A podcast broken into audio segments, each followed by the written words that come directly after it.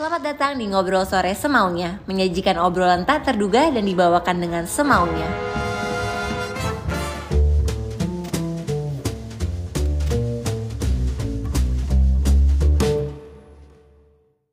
Selamat datang di Ngobrol Sore bersama gue Putri Tanjung. Hari ini um, special sekali guestnya karena bikin deg-degan. Um, Pak Gita Wiryawan, idola semua anak muda. Pak Gita, thank you so much Thank for you, coming. thank you. Thank Makasih so bisa much. diundang. Aku deg-degan sekali uh, ketemu Pak Gita. Kalau ngobrol sama Pak Gita selalu deg-degan. Pak, sebelum kita ngobrol-ngobrol, kita main game dulu Pak. Biar pemanasan. Oke. Oke. Aku akan bacain tweet-tweet netizen anak-anak muda yang ngomongin Pak Gita di Twitter. Ouch. Oke? Tweet pertama, coba dibacakan Pak Gita. Tweet I wish pertama. I could have recognized Gita Wiryawan earlier. This man is definitely my new role model. Okay. Gimana Pak rasanya menjadi role model anak muda Indonesia? Sekarang Pak Gita jadi bahan omongan di mana-mana, apalagi dengan ada podcastnya Endgame. Mudah-mudahan in a positive way sebagai acuan atau role model. Tapi sebetulnya saya tuh akhir-akhir ini emang banyak apa ya ngajar. Ya, Jadinya endgame ini sebetulnya is is an extension ya, uh, of my teaching. Yes. Jadinya kalau memang apa pun yang kita omongin, apa pun yang kita ajarin itu pengaruhnya positif, alhamdulillah. Aja. Kelas-kelas Pak Gita ada di mana aja sih kalau kita mau? Saya tuh ngajar di Indonesia di Oke. beberapa universitas. Ya. Uh, satu tuh di sekolah uh, public policy Ya. yang saya uh, bantu dari awal, terus di beberapa universitas negeri dan swasta lainnya. Tapi juga di luar negeri kita di, saya diundang ngajar sebagai guest lecture di Eropa, di Amerika, di Asia. gitu. Paling seru ngajar apa sih Pak? Saya tuh paling seneng ngobrol mengenai geopolitik Wow, sama makroekonomi. Makroekonomi. Tapi eh, sering kali diminta ngobrol juga mengenai digitalisasi kayak atau kewirausahaan macam-macam gitu. Bisa, Pak Gita bisa semua. Hari ini kita bahkan ngomongin industri kreatif. Oke, next tweet. Seriously, no one's gonna make Gita Wiryawan fan base. Gimana Pak? Jangan Aku deh, mau jangan, loh jangan, mengelola jangan, jangan. eh, Enggak, enggak, saya- Gita. saya nggak mau ini kultus, saya nggak mau ini uh, community apa driven atau apa. Tapi ya kalau emang pengaruhnya ada, ya udah. Saya tuh suka dikelilingin sama orang yang mana saya bisa belajar, Iya, Iya kan? iya, Dan saya paling suka kalau dikelilingin sama orang yang lebih pinter daripada saya. iya. Karena kalau dia lebih bercahaya ya kita juga semestinya ngerasain Betul. kan. Jadinya kalau dia punya ide yang brilian terus dia bisa jalan sendiri, wow, mission accomplished. Iya. Jadi nggak perlu sticky Iya. dengan saya gitu loh dalam bentuk fanbase atau apa. Tapi Pak Gita tadi kan bilang Pak Gita seneng banget untuk ngobrol sama orang-orang. Dan itu Iya. nggak nggak nggak ada maksudnya bukan masalah umur kan Pak. Karena kan sekarang Pak Gita juga banyak banget kayak di sekeliling sama anak-anak muda. Iya, hampir tiap hari itu saya alokasin waktu untuk ngobrol dengan apa techpreneurs atau entrepreneur yang muda dan saya paksa untuk meng-repurpose setiap Iya. hari. Ya. Eh, meng-repurpose itu penting dan dan semakin saya dikelilingi sama orang yang ngomongin yang baru-baru gitu yang nggak pernah kita omongin kemarin itu semakin kayaknya wow itu kalau Iya. menurut saya proses belajar yang luar biasa. Pak gimana sih caranya punya mindset seperti Pak Gita yang very adaptive? Karena kan aku banyak banget ketemu sama senior-senior yang nggak mau nggak mau relearn, nggak mau Iya. unlearn. Iya. Ke ke Mindsetnya kolot kekeh, gitu kan. Dia nggak mau ngobrol sama anak muda, Iya. selalu yang paling bener. Gimana cara shifting mindset yang paling cepat Pak Gita? Saya pernah ditanya begini, mungkin ya ini korelasinya dengan apa ya? Saya waktu kecil tuh belajar jazz. Dan jazz itu kan sinkopasi dan improvisasi. Iya. Dan improvisasi itu kan intinya kita selalu menyesuaikan diri Iya. dengan perkembangan. Jadi kita ya kalau emang ya sebetulnya saya agak-agak gaptek juga, tapi karena ini digitalisasi lagi gila-gilaan ya mau nggak mau, Mau saya nggak harus- mau ya mau nggak mau, adaptif. mau nggak mau. Iya, oke. Next tweet. Gimana cara gampang pakai celana Uniqlo, baju Uniqlo, sepatu dari factory outlet, and and just say whatever you feel, whatever you think, and nggak usah ada apa, nggak nggak usah ngerasa terbelenggu Iya. oleh apa pun. Oke. Speak your mind. Tapi kan it's not always easy, Pak. Iya. Iya nggak sih, Pak? Iya. By the way tadi bukan advertisement untuk Uniqlo. Iya. yang yang penting ini nih. Iya betul.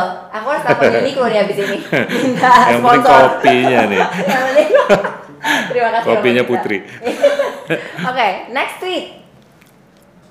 Eh, Pak Gita minta toko online yang Recommended. untuk beli baju. Tadi udah disebut. Eh. Saya tuh I'm I'm a big fan of Steve Jobs, Yeah. eh, almarhum, dan dia sering pakai turtleneck ya. Pikir ya udahlah. Dan kebetulan waktu itu kita ke Uniqlo ngeliat baju turtleneck, I picked it up 12.99 atau 14.99 harganya, and it's been okay.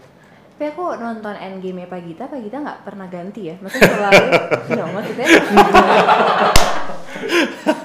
nggak pernah ganti motifnya selalu tapi ini banyak banyak pasangannya nih jadi saya kalau ke ke toko saya beli banyak banyak. Selalu Ya, turtleneck beli dan selalu hitam kan Pak? Eh, iya ada hitam ada abu-abu eh, abu-abu abu-abu light ab- abu-abu dark terus sama Itu- apa lagi Part of branding nggak Pak? enggak saya tuh saya kalau shopping tuh nggak terlalu impulsif Iya. jadi niat aja ke toko mau beli ini terus udah nggak lebih dari lima menit lain kalau ibu-ibu ya Iya. atau cewek kalau Iya, ke toko kan harus 2-3 jam gitu Iya.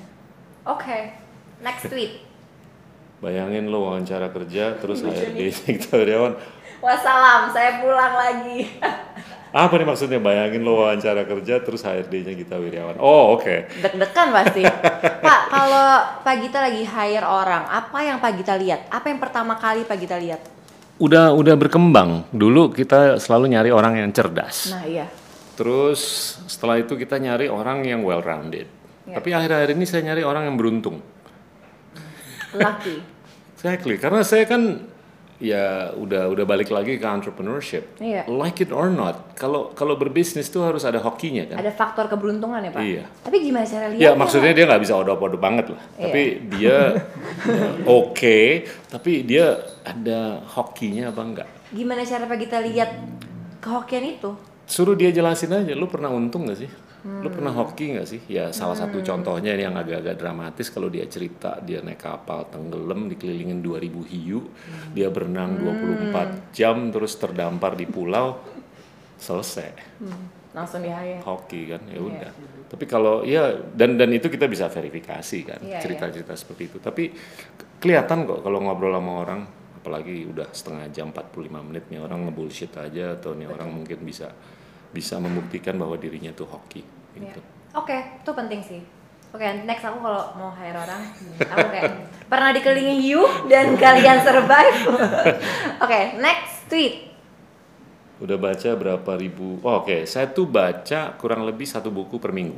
Satu buku per Iya, minggu. Dan kalau baca tuh saya rajin baca mungkin semenjak 10 tahun yang lalu. Tapi sebelumnya mungkin nggak setiap minggu. Gitu. What's your favorite book, Pak? Saya tuh kalau ke toko buku random, jadinya saya ambil top 10-nya aja dan saya nggak ngeliat topik.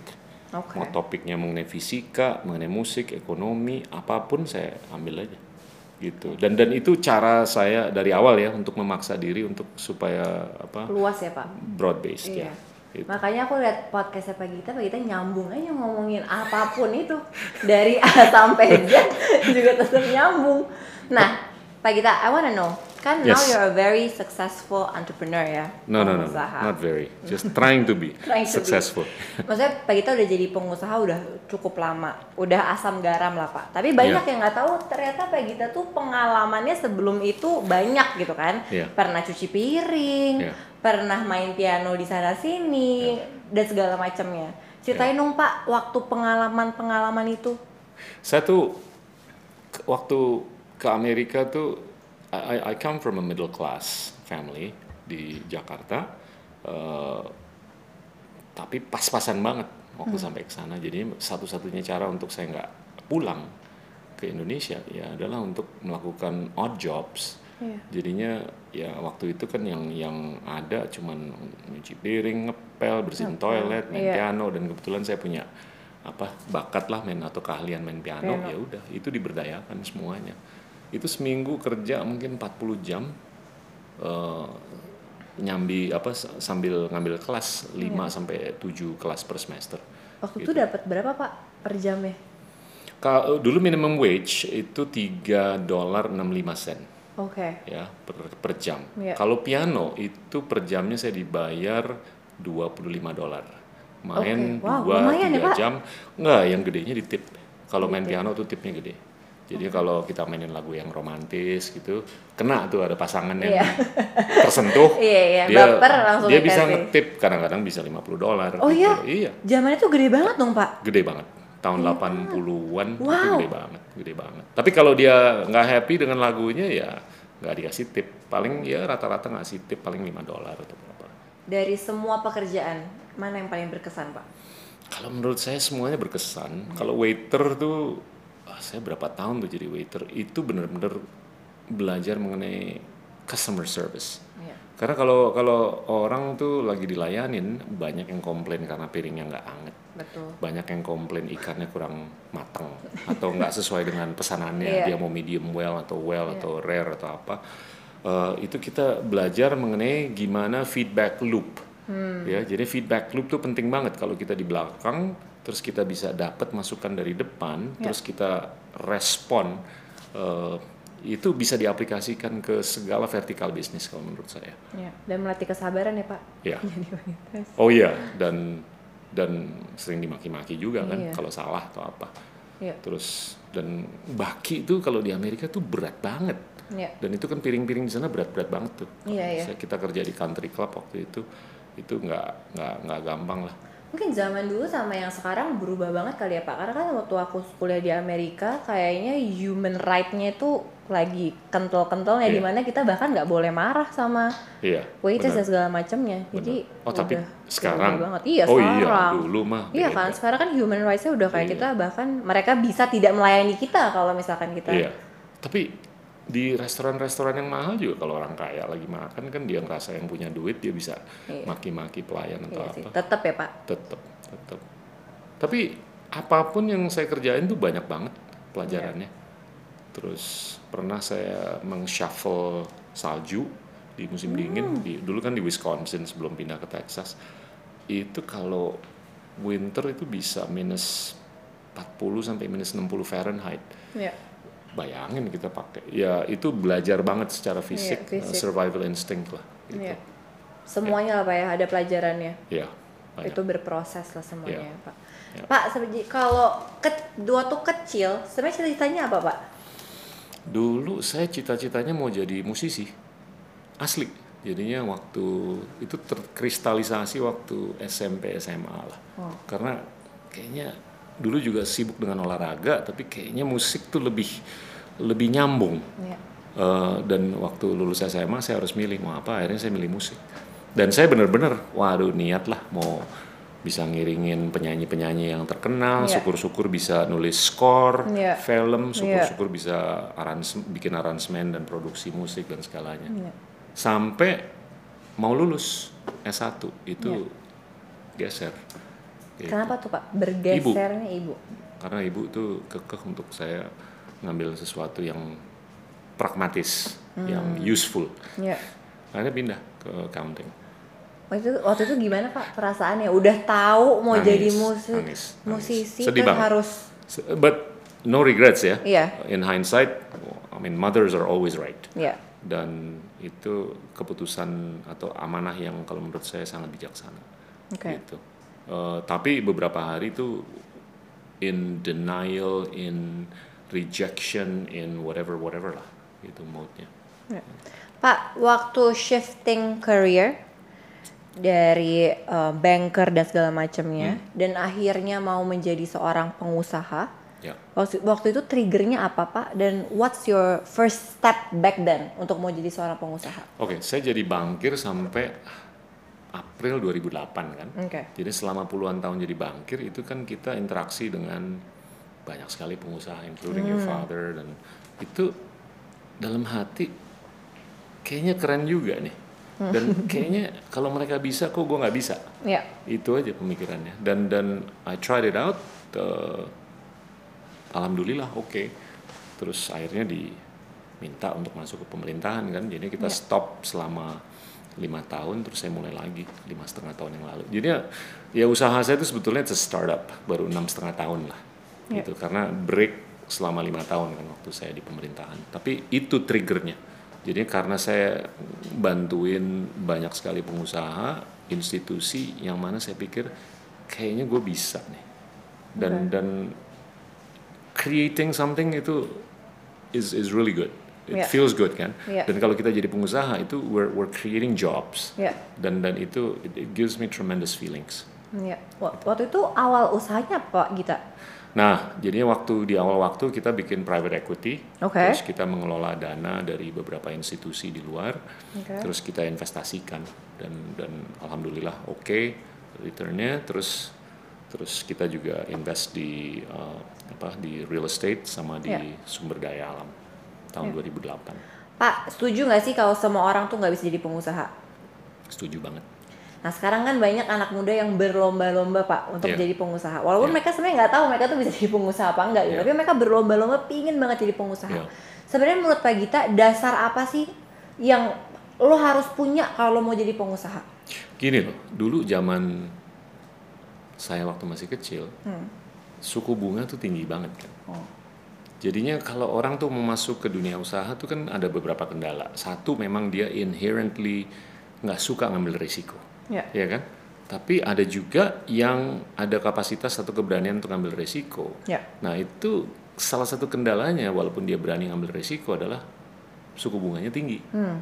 Tapi sekarang suku bunga udah jauh lebih rendah kan? Iya, lebih rendah. Tahun 98, 99 tuh suku bunga 60-70 persen. Iya. Sekarang suku bunga SBI 4 persen, 4,25 persen.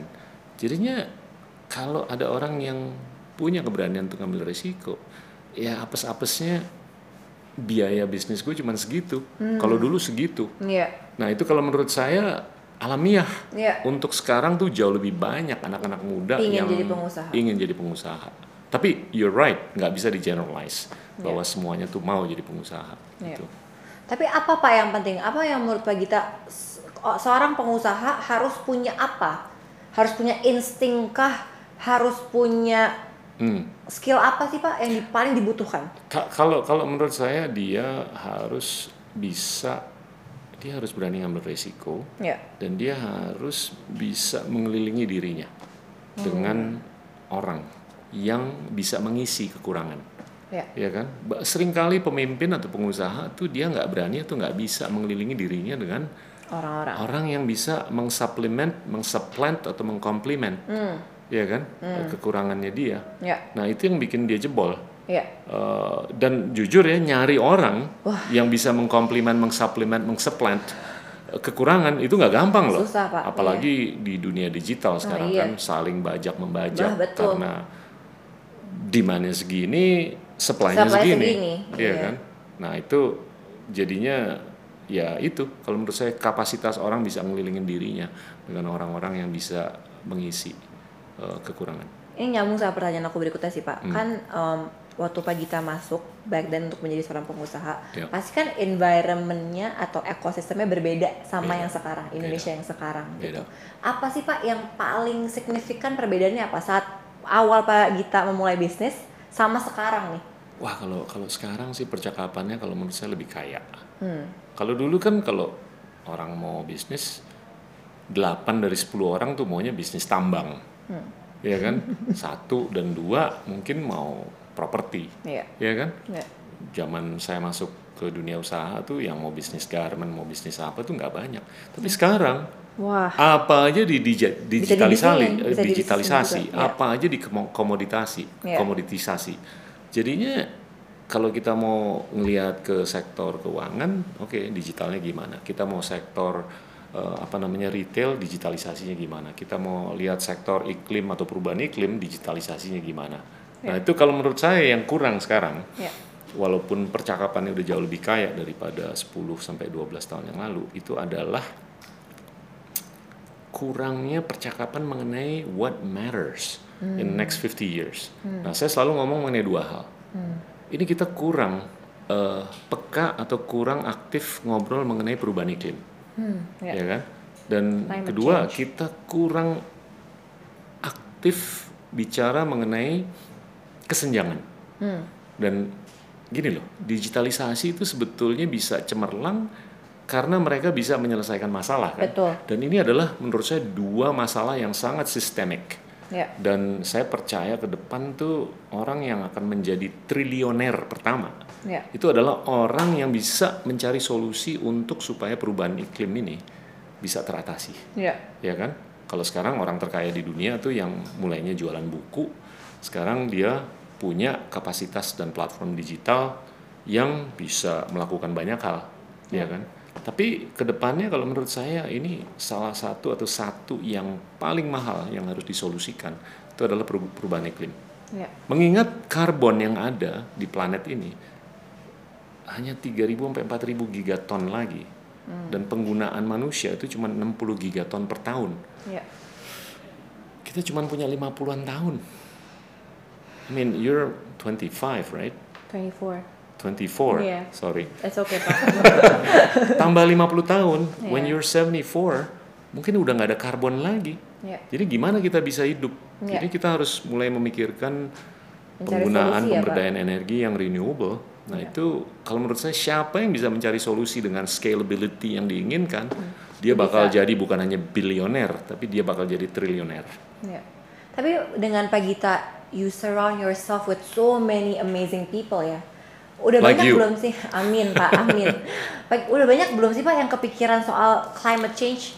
Eh, belum, Apa tapi saya provokasi. Nah iya Pak. Saya saya memprovokasi. Jadi kalau saya ketemu anak-anak muda, such as yourself, kalian dan di luar gedung ini, saya selalu ngobrol mengenai dua hal ini. Ya. Gimana kita bisa menyelesaikan masalah iklim? Ya. Gimana kita bisa menyelesaikan masalah kesenjangan? Ya. Ya kan? Karena kesenjangan tuh kalau nggak diselesaikan, ya gap antara yang di atas sama yang di bawah itu menjadi muara banyak sekali permasalahan. Ya.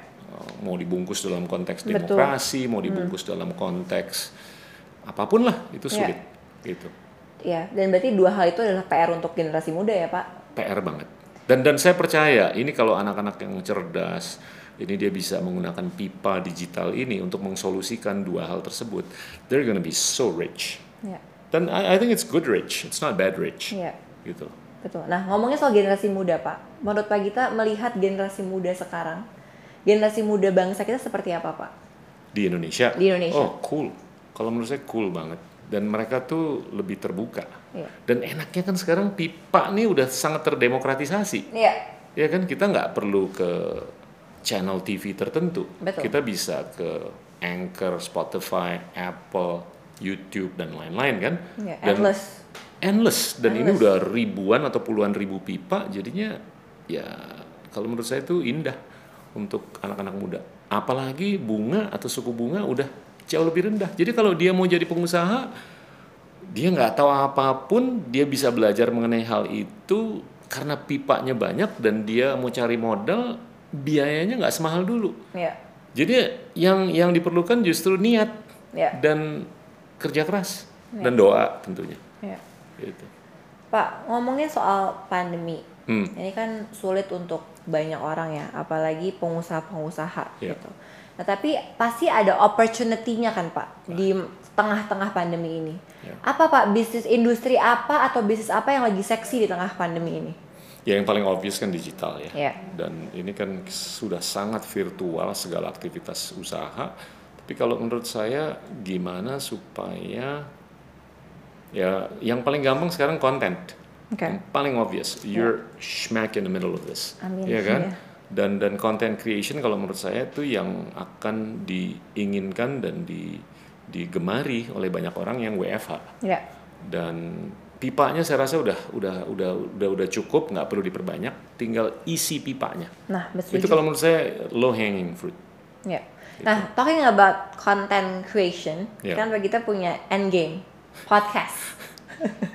Pak, waktu itu kenapa? Kenapa memutuskan untuk pertama kenapa mediumnya podcast? ya Terus yang kedua, kenapa namanya Endgame?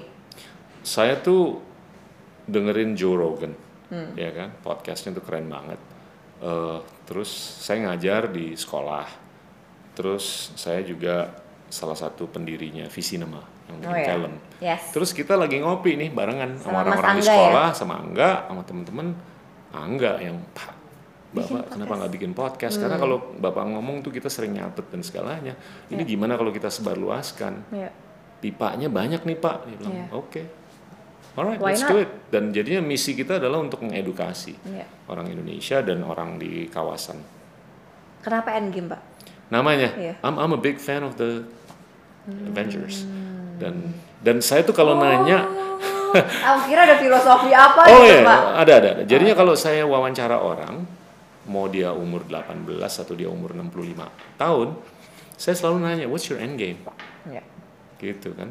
Jadinya oke, uh, that's dessert. Tapi what's the main menu? Iya. Iya kan? Iya. So, uh, that's appetizer. What's the main menu? Yeah. What's your end game? Yeah. Itu selalu saya tanyakan. Pak, talking about konten gitu ya, dan aku juga udah sering ngobrol sama Pak Gita soal Iya. industri kreatif. Nah, menurut Pak Gita, industri kreatif di Indonesia sekarang seperti apa? Dan potensinya akan seperti apa sih Pak ke depan? Oke, ini agak-agak ngehayal ya. Iya. Kalau menurut saya 2045 itu kita harus bisa lebih unggul daripada Korea. Hmm. Kenapa? Karena skala.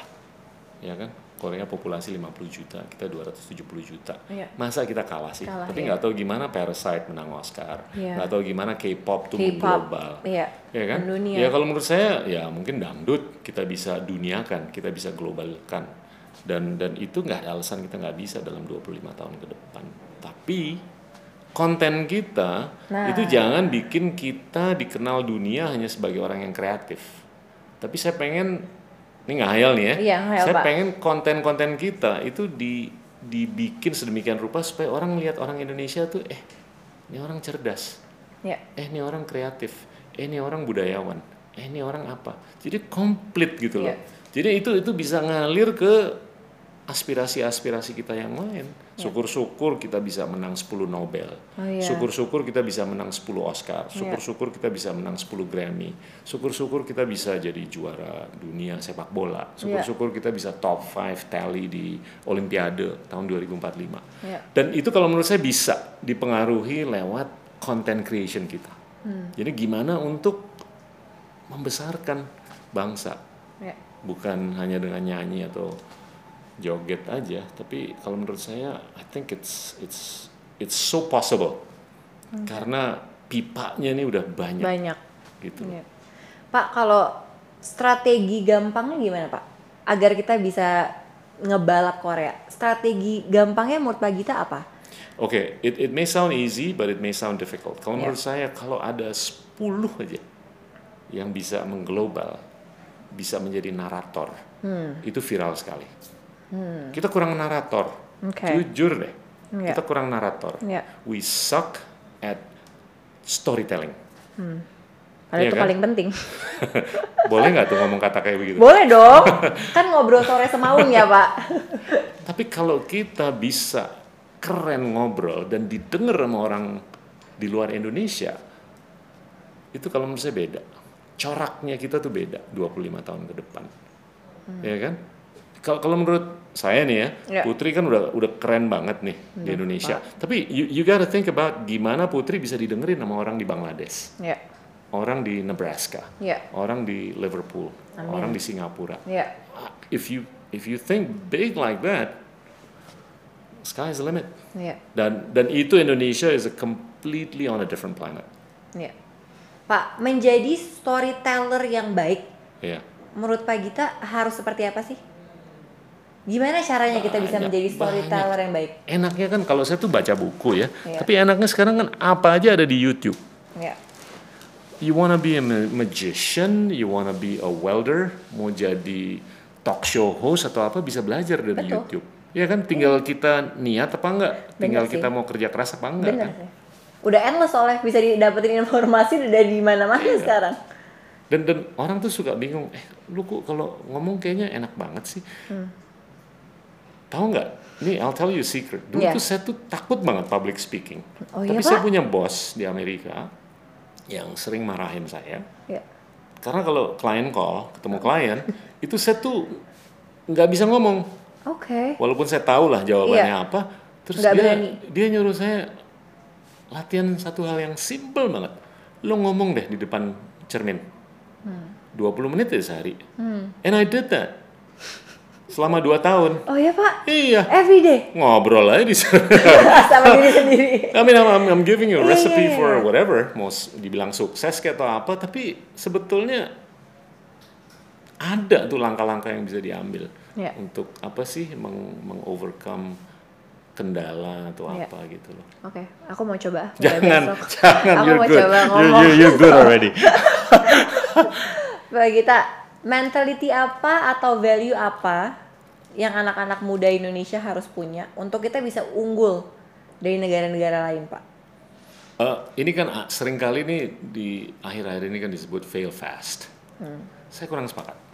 Kenapa Pak Oke, kalau di? Silicon Valley kan orang ngomong you you gotta know how to fail fast. Ya, Ya kan? ya, Jadi gagalnya tuh harus cepat supaya bangkitnya cepat kan. ya, Tapi problemnya kalau kita tuh membudayakan diri untuk fail fast atau gagal cepat, kita tuh meremehkan hal-hal yang kalau menurut saya tuh besar, Iya kan? ya, Jadinya kalau anggaplah nih yang paling gampang konkretnya nih kalau kita mau coba, coba cari solusi mengenai perubahan iklim, ya, terus baru 12 bulan kita gagal, ya. Iya kan? Terus ya udah kita tinggalin Tinggal aja. aja, iya, Tapi climate change Iya. itu perlu 10-20 tahun iya, iya, untuk mensolusikan. Iya. Nah jadinya kalau menurut saya sih kalau anak-anak muda yang visionary, dia harus bisa fail long Hmm. atau fail late. iya, Itu agak-agak paradoxical, tapi kalau menurut saya kalau dia bisa berparadigma kayak begitu, I think it's kind of cool. sih. Gitu. Ya. Aku percaya sih Pak, karena kayak menjadi pengusaha aja kan kita nggak bisa lari sprint ya Pak, kita kan harus lari maraton. Yeah. And I it's a mean, never ending process. Your dad will tell you this. Yes. I will tell you this. Ya. Dan kalau kita fail fast itu kita benar-benar short termist. Ya, Kita mencari solusi atau tikungan yang cepet aja, ya, tapi nggak memikirkan yang yang dampaknya jangka panjang. ya. Pak, let's talk about music. Ya, Kan Pak Gita bilang tadi musik itu sangat berarti ya buat Pak Gita. Apa sih Pak esensinya? Kenapa musik itu sebegitu pentingnya buat Pak Gita? Dan ada nggak sih Pak kolerasinya dengan berbisnis? Mungkin Pak Gita jadi lebih cepat eh, dan segala macamnya. ada. Ada kalau kalau kalau musik tuh apalagi kalau kita komposisi ya, kalau Iya. kita nulis itu kan sebetulnya fungsi dari emosi ya. Ya, Eh, Seringkali ya, kita nggak bisa tuh lagi nggak terpengaruh oleh emosi duduk gue niat mau nulis dua lagu dalam dua jam Nggak no bisa. not gonna happen kalaupun jadi juga jelek banget ya kan ya Iya, kan iya, nah iya. itu kalau menurut saya bisnis tuh sebetulnya emosional ya kan? Ya. nggak mungkin nggak emosional mungkin. Ya setuju. Rasional iya, Iya. tapi emosional. Iya. ya kan? Setuju, you know this. Ya kan? Nah itu kalau menurut saya nyambungnya dengan musik begitu. Hmm, kedua kalau kita ngerti mengenai jazz Hmm. jazz tuh kental dengan sinkopasi dan improvisasi Ya. dan dalam bisnis apalagi sekarang dengan covid ini kan ya kita juga lagi agak-agak sakit gigi kan nah gimana kita bisa berimprovisasi Ya. untuk bisa survive Ya. tapi saya sih mikirnya oke, COVID nih nggak bakal selesai bulan Iya. depan, nggak bakal selesai tahun depan. Ini paling cepat akhir 2023. Hmm. Itu aja. Kita berasumsi seperti itu. Kenapa? Simple. Kalau kita cuma bisa vaksin 300 ribu orang per hari, Oh iya betul. 9 juta per bulan, 100 juta per tahun, Iya. populasi 270 juta, tiga tahun kan? Ya. Ya udah kalau vaksinnya ada Januari 2021, ya nunggu aja sampai akhir 2023. Nah, business plan kita harus begitu. Iya. Kalau kita terlalu optimis, ah, Enggak. selesai. Selesai. Jadi ya mau nggak mau kita harus improvisasi. Ya. Pak, juga pandemi ini kan juga bukan cuma pengusaha doang yang kena dampak semuanya lah Pak, termasuk musisi juga. Semua. Waduh, yang paling kasihan tau nggak? Session, session iya. player. Nah, itu. Kalau yang di depan mikrofon, itu kan dia bayarannya lebih tinggi dan dia kalau zoom masih ada yang mau bayar kan? Betul, masih ada Tapi yang di virtual. belakang, yang Iya. main drum, yang main bass, yang main gitar, yang kecek-kecek gitu, itu yang kasihan. Dan Gimana Pak solusinya? Ya solusinya kalau syukur-syukur dia bisa coding, dia bisa kerja lah Iya. di perusahaan tech. Iya. Tapi kalau dia nggak bisa coding, dia cuma bisa main, Main begini aja, iya. selesai. Nah ini udah udah udah udah mulai nih, jadinya Hmm. apa impairment temporer udah kejadian. Kalau ini nggak dibantu, ini impairment secara permanen hampir pasti kejadian. Kasihan, kasihan. Kasihan banget. ya Pak. Jadinya aktor, aktris, penyanyi session player semuanya tuh terdampak dan kameramen dan segalanya ini kan ya untung aja ada show begini tapi Iya. show-show lain yang mungkin demand-nya itu hanya lewat pipa-pipa tertentu Betul. So Shifting semua So kan dari offline jadi online semua so sekarang. Iya. Dan dan saya tuh ya gaul ketemu dengan dengan orang-orang kayak gitu saya kasihan banget. Ya. Pinter-pinternya kita ya Pak cari opportunity di Betul. masa-masa seperti ini. Yang survive ada loh, tapi Iya. banyak yang nggak bisa melakukan reskilling atau upskilling atau Nah, itu dia. adaptasi. Kasihan. Kasihan. Bermusik kan juga eh, membantu Pak Gita untuk menemukan cinta Pak Gita, Iya. which is um, Tante Yasmin. Iya. Eh, Pak, ceritanya gimana sih katanya waktu itu Pak Gita lesin piano. Iya, dia tuh Oh, salah tante. satu murid piano saya. Oh, Saya lagi liburan dari Amerika ngajar.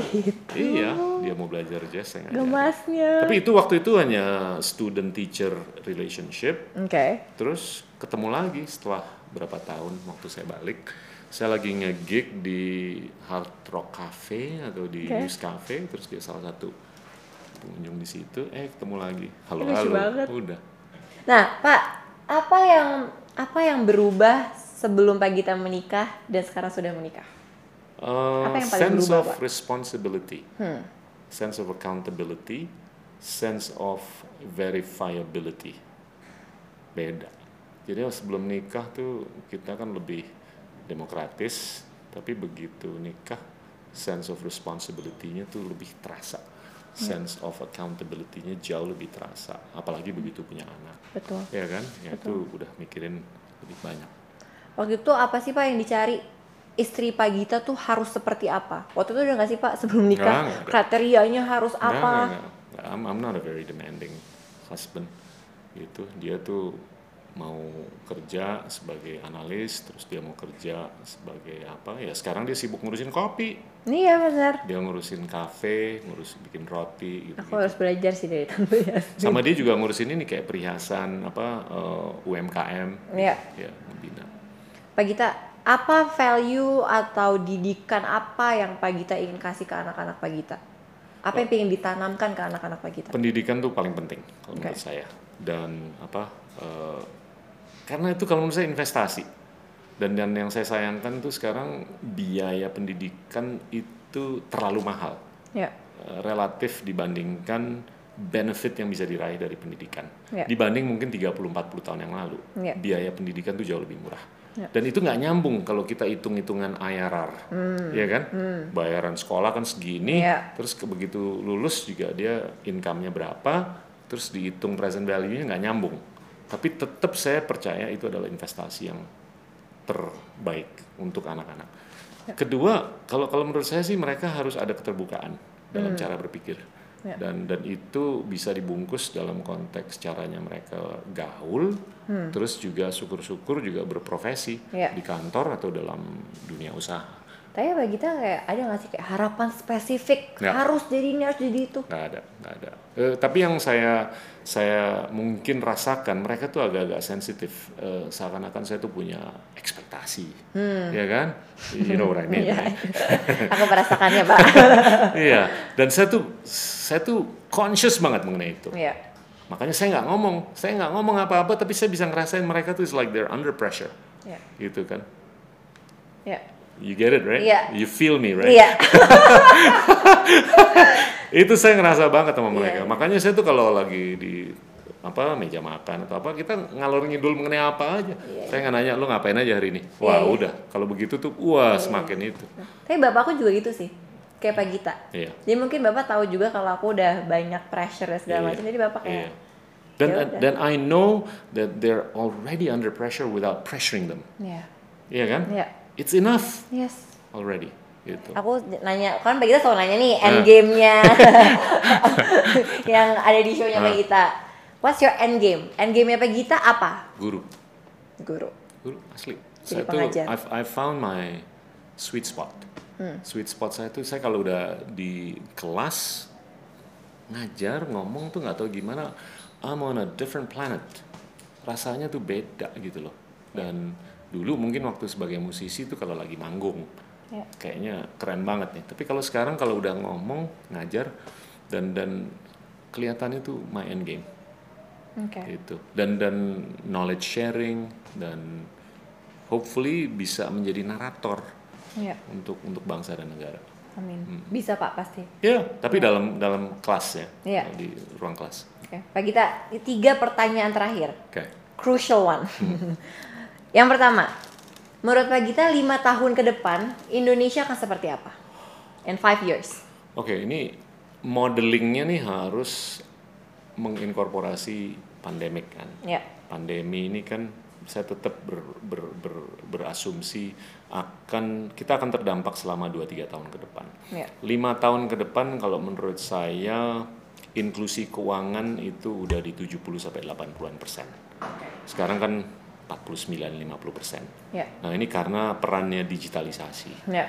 Terus lima tahun ke depan mungkin unicorn di Indonesia tuh udah lebih dari 10 Ya. ya kan? Karena ekonomi kita itu udah anggaplah satu setengah sampai 2 triliun dolar. Lima tahun ke depan kalau menurut saya Indonesia tuh udah lebih jauh lebih dianggap di kawasan dan di dunia. Karena eksistensi unicorn, like Ya. it or not, Ya. karena unicorn tuh brand building Yes. ya kan? Terus yang pertama tadi inklusi keuangan itu kalau menurut saya inklusi keuangan kalau udah bisa naik ke 70 sampai 80 persen, wah itu dampak jangka panjangnya luar biasa. Luar biasa. Itu jutaan atau puluhan juta manusia di Indonesia tuh Ya. yang lebih bisa mengakses modal, Ya. and it's it's it's profound Ya. efeknya kalau menurut saya Oke, itu lima tahun ke depan ya lima Pak. tahun ke depan. Nah kan obrolan kita will forever stay di YouTube Pak. Ah. Ya dong, udah akan selalu ada Ya. nih obrolan kita. Ya. Apa yang Pak Gita ingin sampaikan ke diri Pak Gita di lima tahun ke depan? Time travel nih ya. Iya time travel. Jadi kalau Pak Gita nanti lima tahun ke depan iseng nonton ngobrol sore semaunya lagi, Iya. apa yang Pak Gita ingin sampaikan ke Pak Gita di lima tahun ke depan? Kalau menurut saya, hmm, that's a tough one, man. Lima tahun dari hari ini, saya akan berpesan ke diri saya, I wish saya mulai endgame itu lebih awal, ya kan?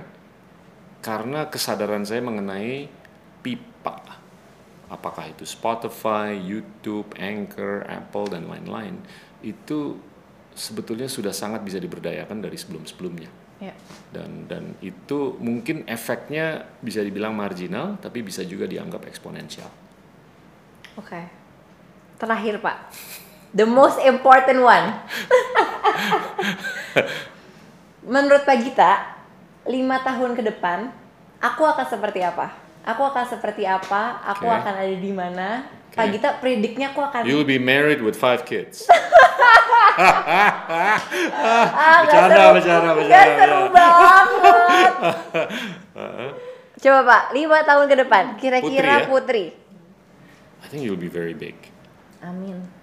Saya saya jarang ketemu orang seumur 24 tahun yang sedewasa Anda dan selebar pengetahuannya dan se Apa nih? you know you connect Iya kan nggak banyak loh orang yang bisa connect. Anda tuh nyambung dengan siapa pun. Amin. ya kan? Dan dan you do it in such a way apa ya humility-nya tuh terasa banget loh. And that's that's tough coming from your position. I mean you're coming from there right? Tapi you you come to the table with the kind of humility yang bisa dirasakan oleh bukan hanya saya tapi siapa pun. Amin. Nah, itu kalau menurut saya bekal yang keren banget. Dan dalam lima tahun, ya ini kayaknya ruangannya terlalu kecil. Nanti Ya. Pak kita perbesar. Kita doain juga. Amin, amin Ya Pak. kan? Amin. Thank you so much Pak Gita Thank you. udah main dan datang ke ngobrol sore semaunya. Thanks. Thank you so much. Terima kasih untuk teman-teman yang sudah nonton ngobrol sore semaunya. Jangan lupa untuk terus nonton ngobrol sore semaunya setiap hari Kamis jam 6 sore dan bisa dengerin full versionnya di Spotify. Bye bye.